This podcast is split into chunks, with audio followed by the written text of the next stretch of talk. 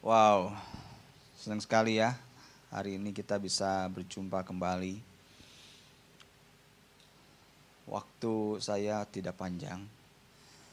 Saya berharap apa yang boleh di-share pada hari ini bisa ditangkap secara utuh untuk siap jemaat yang ada di tempat ini.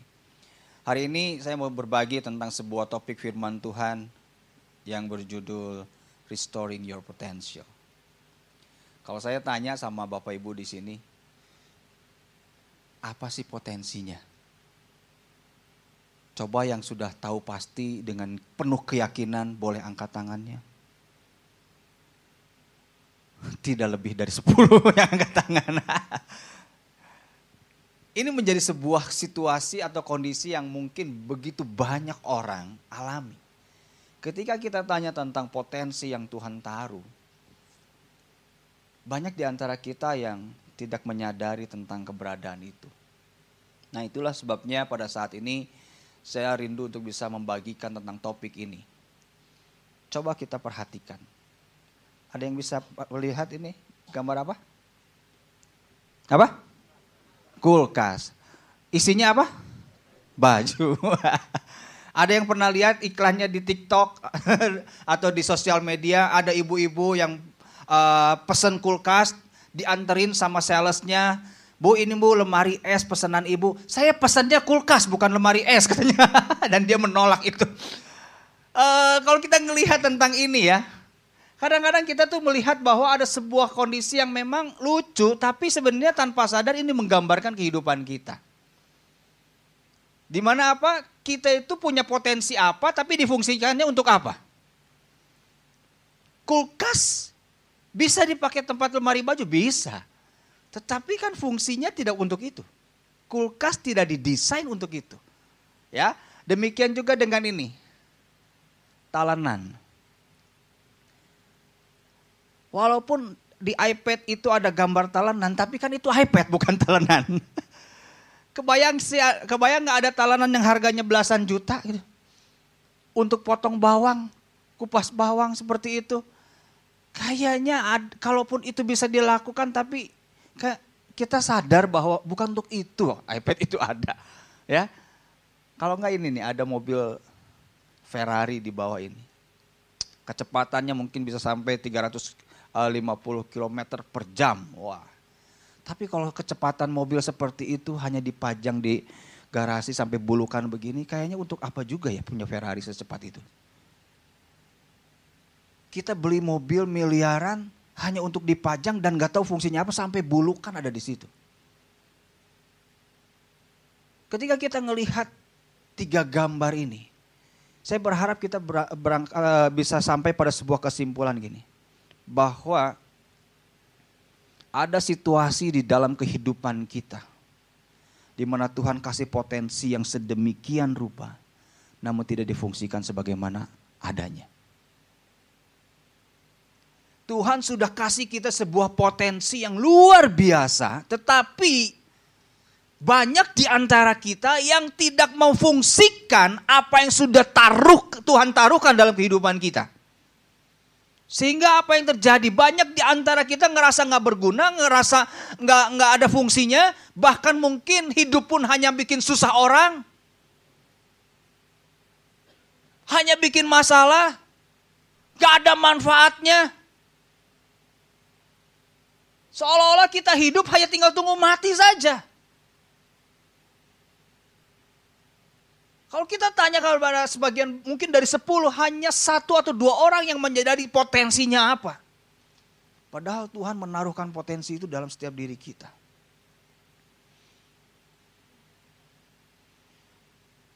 Jadi kalau kita lihat gambar ini. Di tempat inilah banyak terkubur mimpi-mimpi Tuhan buat hidup kita yang tidak pernah terwujud. Di tempat inilah banyak terkubur mungkin lagu-lagu terbaik yang seharusnya muncul dan kita tuliskan, gak pernah kita tuliskan. Di tempat inilah terkubur karya-karya hebat yang sebenarnya kita bisa wujudkan, tapi kita gak pernah bisa berhasil mewujudkannya sampai matinya. Di tempat inilah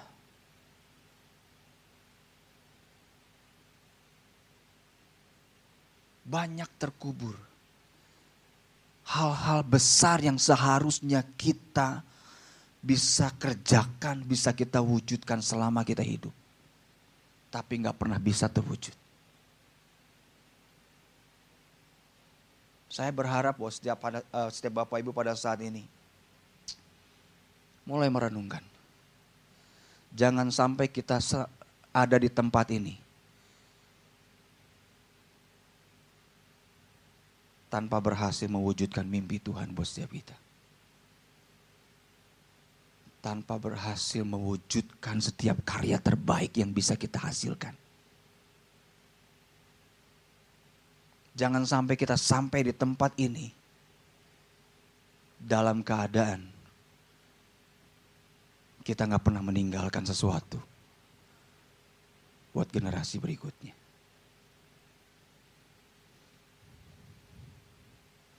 Ada sebuah kisah di dalam Yohanes 4 ayat 1 sampai 26. Di mana kisah ini menggambarkan tentang perjumpaan Yesus dengan seorang perempuan yang diasingkan. Mungkin banyak diledek, banyak dihina, direndahkan oleh orang-orang sekitarnya. Dalam kisah ini digambarkan tentang bagaimana perempuan ini menimba air di siang hari. Saya tanya sama ibu-ibu di sini. Kalau nimba air itu enaknya pagi atau siang? Hmm? Pagi. Kenapa pagi, Bu? Kenapa? Nggak panas kan? Adem. Terus kalau lagi e, nimba air gitu enaknya sendirian atau ketemu teman-teman?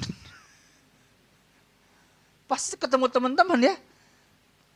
Ibu-ibu aja kalau saja kita lihat di gang-gang gitu ya. Kalau mau beli sayur kan nunggu teman-temannya beli sayur kan. Karena kesempatan untuk banyak ngobrol di sana. Banyak cerita di situ. Dan itu ada media yang terbaik untuk dengar isu setang tetangga di sana. Ketika kita melihat gambar ini ada sesuatu yang aneh kan.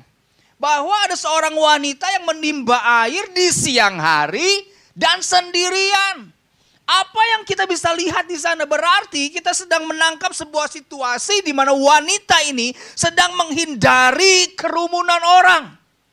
Lebih baik saya panas-panas biarin, lebih baik saya sendiri daripada saya datang ke sana, digosipin, diomongin, direndahin, diledek, dibully oleh orang-orang sekitarnya. Dia sedang ada dalam kondisi rendah diri ketika dia ada di lingkungan yang seharusnya dia ada. Tapi luar biasanya pada saat momen itu Yesus tahu. Bahkan di sana digambarkan bahwa Yesus dengan sengaja melalui daerah itu. Demi Yesus mau ketemu dengan wanita ini. Singkat cerita ini percakapan dengan Yesus membuat ada sebuah terobosan terjadi di dalam diri wanita yang minder ini. Perjumpaan dengan Yesus membuat dia bisa mengerti tentang sesuatu yang selama ini mungkin dia nggak pernah sadari bahwa dia punya itu. Itu diungkapkan di dalam Yohanes pasal 4 ayat 39 41. Di situ digambarkan bahwa setelah perjumpaan dengan Yesus, apa yang terjadi dengan wanita ini? Luar biasa di sini dikatakan apa? Dan banyak orang Samaria dari kota itu telah menjadi percaya kepadanya karena perkataan perempuan itu yang bersaksi ia mengatakan kepadaku segala sesuatu yang telah ku perbuat. Dan lebih banyak lagi orang-orang yang percaya karena perkataannya. Wow, kalau kita melihat tentang fenomena ini, kita bisa menangkap ada sebuah terobosan terjadi dari seorang yang minder, seorang yang nggak mau ketemu dengan orang, seorang yang ngerasa diri nggak berharga. Ketika dia berjumpa dengan Yesus, ada sebuah terobosan terjadi dan itu membuatnya menjadi seorang penginjil hebat pada saat itu. Pertanyaannya, potensi ini sudah ada atau tiba-tiba muncul? Saya percaya potensi yang dimiliki oleh perempuan ini sudah ada. Perjumpaannya dengan Yesus hanya membukakan apa yang selama ini terselubung di dalam dirinya. Karena pengalaman hidupnya, karena persepsi dirinya. Sehingga akhirnya ketika dia berjumpa dengan Yesus, ada sesuatu yang mulai terbuka di dalam dirinya. Yang selama ini tersembunyi. Yang selama ini mungkin di, di, di, di, dihindari atau di, disangkal. Karena begitu banyak ketidaksempurnaan yang dia lihat dalam dirinya. Akhirnya apa yang terjadi? Perjumpaan dengan Yesus telah melahirkan seorang penginjil hebat di masa itu. Yang tadinya seorang perempuan sundal. Yang gak jelas suaminya siapa. Yang banyak dihina orang. Dan menghindari banyak orang.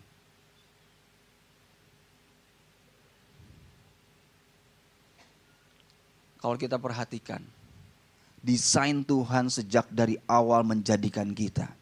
Kejadian 1, 26 berkata bahwa supaya mereka berkuasa atas ikan-ikan di laut dan burung-burung di udara dan atas ternak dan atas seluruh bumi dan atas segala binatang melata yang merayap di bumi. Ini menggambarkan pada setiap kita. Tuhan menjadikan kita dengan sebuah kapasitas yang besar. Tuhan menjadikan kita dengan kapasitas yang besar. Sejak awal Tuhan sudah berikan mandat pada setiap kita untuk berkuasa atas ciptaan Tuhan yang lain.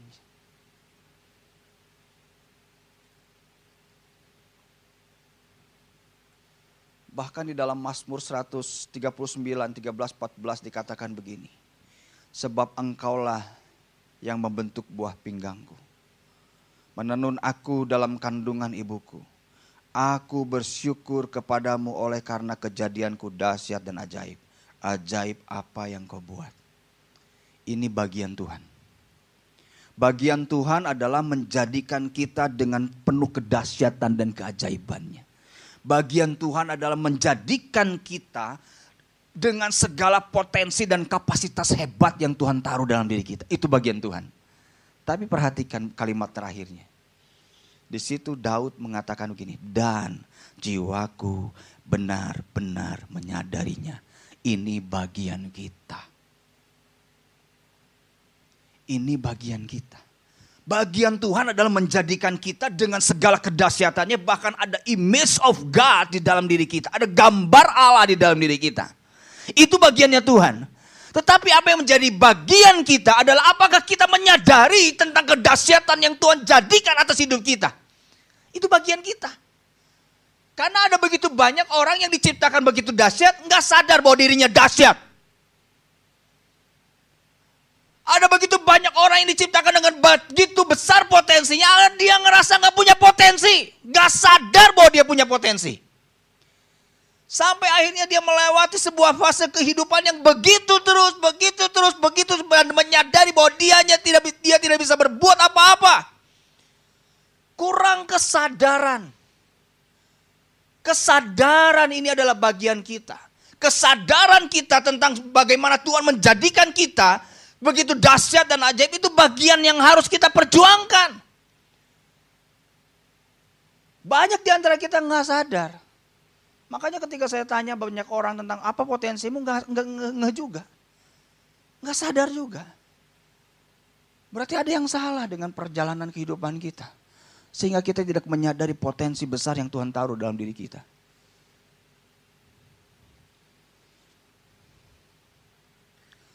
Tuhan menaruhkan potensi di dalam diri kita agar kerajaan Allah diperbesar dan namanya dimuliakan melalui hidup kita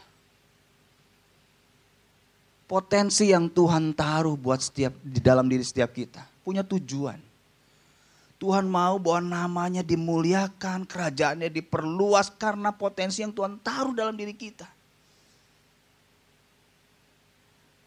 Dengan kata lain gini, ketika kita tidak mengembangkan potensi yang Tuhan taruh, kita tidak sedang bertanggung jawab loh untuk tujuan ini. Ketika kita tidak mengembangkan potensi yang Tuhan taruh, kita sedang tidak bertanggung jawab dengan tujuan Tuhan memberikan potensi pada setiap kita ini. Matius 5 ayat 16 berkata bahwa demikianlah hendaknya terangmu bercahaya di depan orang supaya mereka melihat perbuatanmu yang baik dan memuliakan Bapamu yang di sorga. Perbuatan baik kita akan membuat orang melihat siapa Tuhan kita.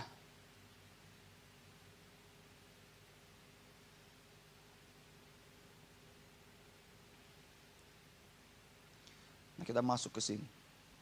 Kalau gitu apa yang harus kita lakukan saat ini untuk bisa memunculkan potensi yang Tuhan taruh dalam diri kita? Ada lima hal yang harus kita belajar saat ini. Pertama, bersyukurlah atas keberadaan kita. Belajar untuk bisa mensyukuri, untuk melihat bahwa kehidupan kita adalah sebuah mahakaryanya Tuhan. Kita nggak akan pernah bisa melihat potensi kita kalau kita nggak pernah bersyukur tentang hidup kita. Kita banyak komplain dengan diri kita, kita banyak mengeluh dengan diri kita, kita banyak merasa bahwa diri kita itu sesuatu yang tidak tidak tidak tidak menyenangkan untuk diceritakan. Belajar mengucap syukur dulu. Belajar berkata bahwa pada diri kita bahwa Tuhan aku bersyukur Tuhan menjadikan aku dengan model yang seperti ini Tuhan. Tuhan aku bersyukur Tuhan dengan apa yang aku aku aku alami Tuhan. Bersyukur buat keberadaanmu, bersyukur buat kejadianmu, dan bersyukurlah buat jalan hidupmu. Banyak di antara kita yang Tuhan izinkan melewati perjalanan hidup yang tidak mudah. Dari masa kecil sudah ditinggalkan sama orang tua, dari kecil sudah tidak mengalami kasih sayang, biarkan itu mengalami proses-proses sedemikian rupa. Tapi ingat, Tuhan gak pernah memalingkan pandangannya dalam peristiwa-peristiwa yang mungkin menurut kita itu menjadi sebuah bencana. Tuhan tetap punya peran untuk mendesain kehidupan kita di balik semua itu. Yang kedua, belajarlah berdamai dengan hal yang pernah menyakitkan dan melukai hati kita.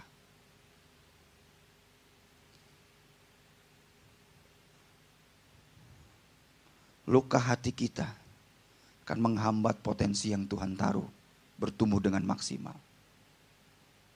Kekecewaan kita akan menghambat potensi yang Tuhan taruh di dalam diri kita untuk keluar dengan maksimal.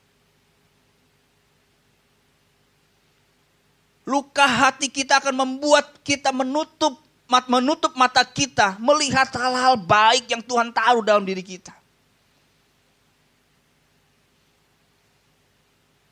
Kita akan penuh dengan sebuah sebuah kesimpulan-kesimpulan negatif tentang apa yang ada pada diri kita karena luka. Boro-boro melihat potensi. Pikirannya pengen mengakhiri hidup, pengen mengakhiri hidup, mengakhiri hidup.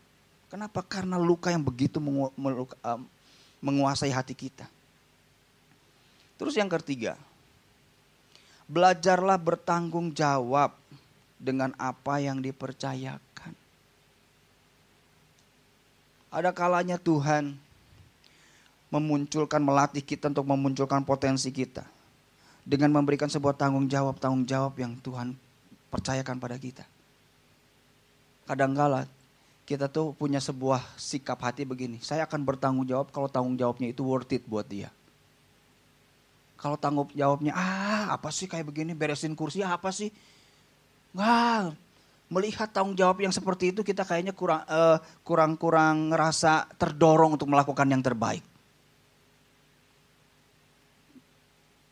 Coba ingat peristiwa Daud. Sebelum jadi raja, dia bertanggung jawab atas apa? Menjaga dua tiga ekor kambing domba milik ayahnya. Dengan sepenuh hati. Mempertaruhkan nyawa demi itu. Dia melakukan tanggung jawab itu yang mungkin kelihatannya nggak terlalu berarti mengembalakan dua tiga ekor kambing domba milik ayahnya harus mempertaruhkan nyawa. Tapi Daud melakukan itu dengan segenap hati sampai akhirnya Tuhan melihat itu sebagai sesuatu yang harus yang bisa diperhitungkan dan mengangkatnya menjadi raja. Yuk belajar bertanggung jawab dengan hal-hal yang dipercayakan pada kita, sekecil apa pun, dengan sebaik-baiknya. Belajar bertanggung jawab itu. Jangan sampai kita punya mentalitas saya akan melakukan yang terbaik kalau tanggung jawab itu dilihat orang. Saya akan melakukan yang terbaik kalau itu diberikan nilai yang uh, yang menurut saya itu berarti. No. Sekecil apa pun tanggung jawab yang Tuhan berikan sama kita, lakukan dengan segenap hati.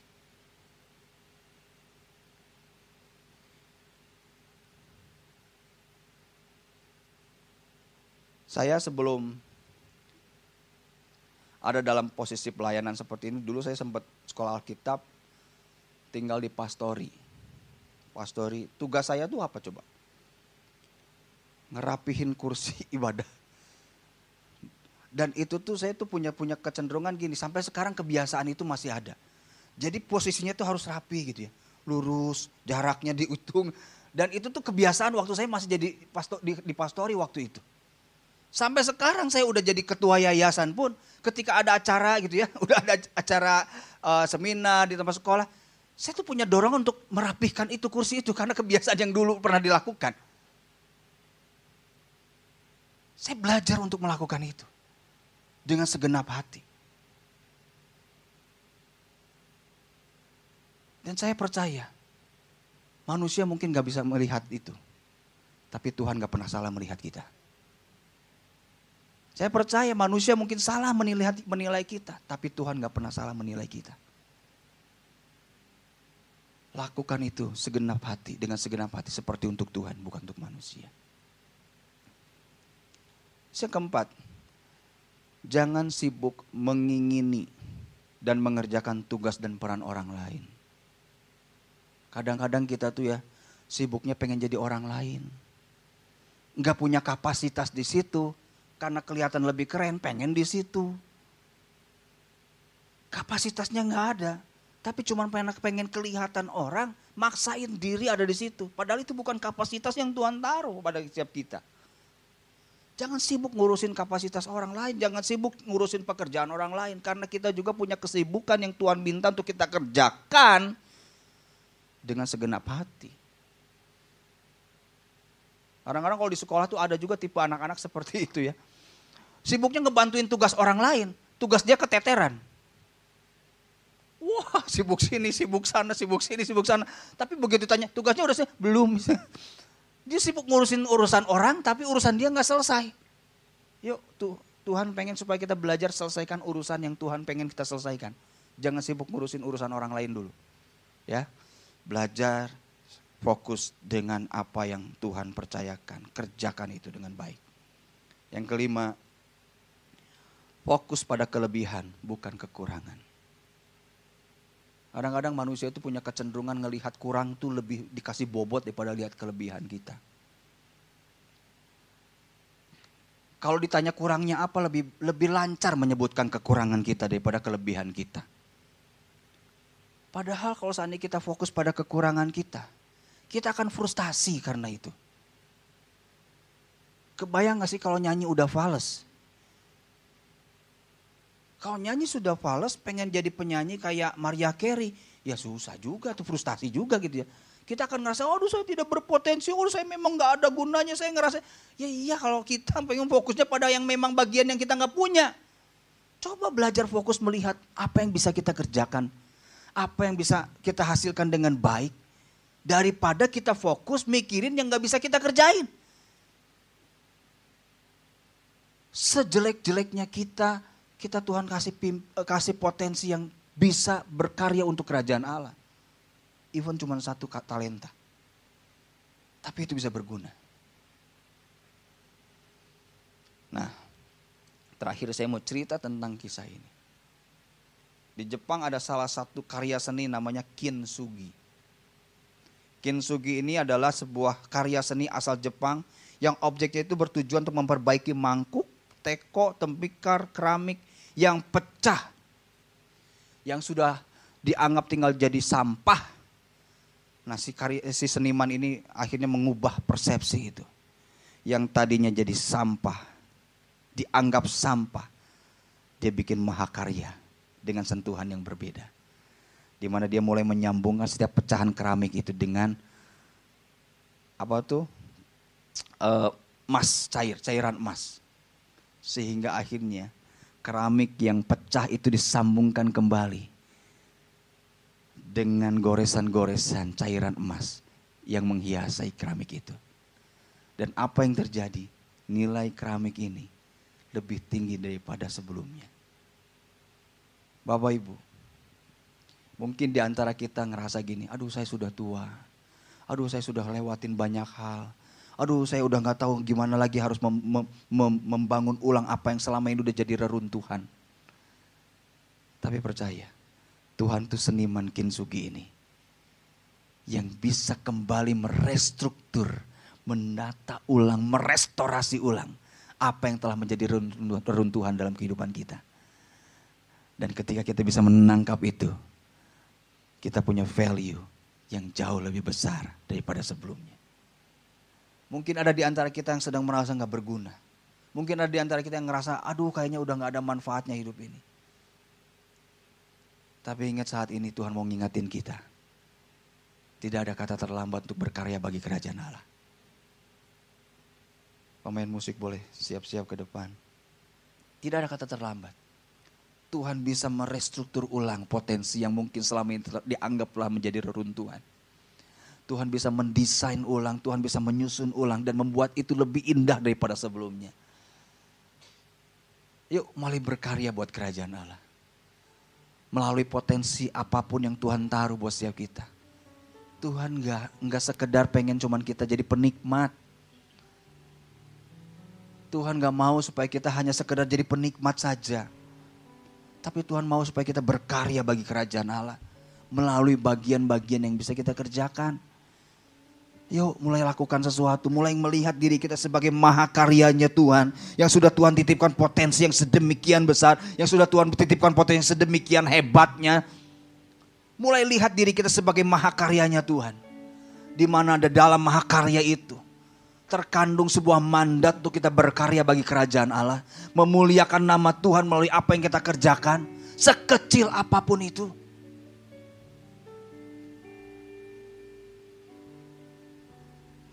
Perjumpaan kita dengan Tuhan, perjumpaan kita dengan Yesus akan membuat kita melihat kembali apa yang Tuhan taruh dalam diri kita. Perjumpaan kita dengan Yesus akan membuat kita mengerti tentang apa yang sudah Tuhan titipkan untuk kita kembangkan dalam hidup ini. Perjumpaan kita dengan Yesus akan membuat kita mengerti tentang maksud mulia yang sudah Tuhan desain atas hidup kita sejak Tuhan menjadikan kita.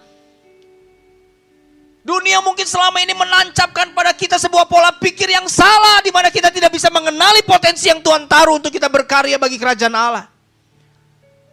Tapi biarlah ini menjadi waktu di mana kita mulai melihat diri kita secara lebih jernih. Seperti Tuhan melihat kita. Demikianlah Tuhan mau kita melihat diri kita. Kalau Tuhan saja percaya pada kita, kenapa kita harus ragu dengan diri kita? Kalau Tuhan saja percaya pada kita untuk bisa melakukan perkara-perkara besar, kenapa kita ragu? Sering kita, sering kali kita menjadi lebih ragu daripada Tuhan yang menjadikan kita. Kita nggak percaya diri, padahal Tuhan percaya sama kita.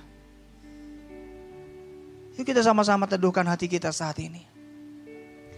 Mulai melihat diri kita dengan sudut pandang yang berbeda. Mungkin selama ini kita ngelihat nggak ada potensi yang kita miliki, nggak ada potensi yang bisa kita lakukan untuk kerajaan Allah. No, Tuhan taruhkan potensi itu pada setiap kita. Tuhan taruhkan potensi itu pada setiap kita. Tuhan titipkan potensi itu pada setiap kita untuk kita kembangkan. Sehingga apa yang sudah Tuhan taruh dalam diri kita bisa menjadi bagian perjalanan iman yang Tuhan mau titipkan bagi setiap kita untuk dikembangkan. Mari kita sama-sama bangkit berdiri saat ini.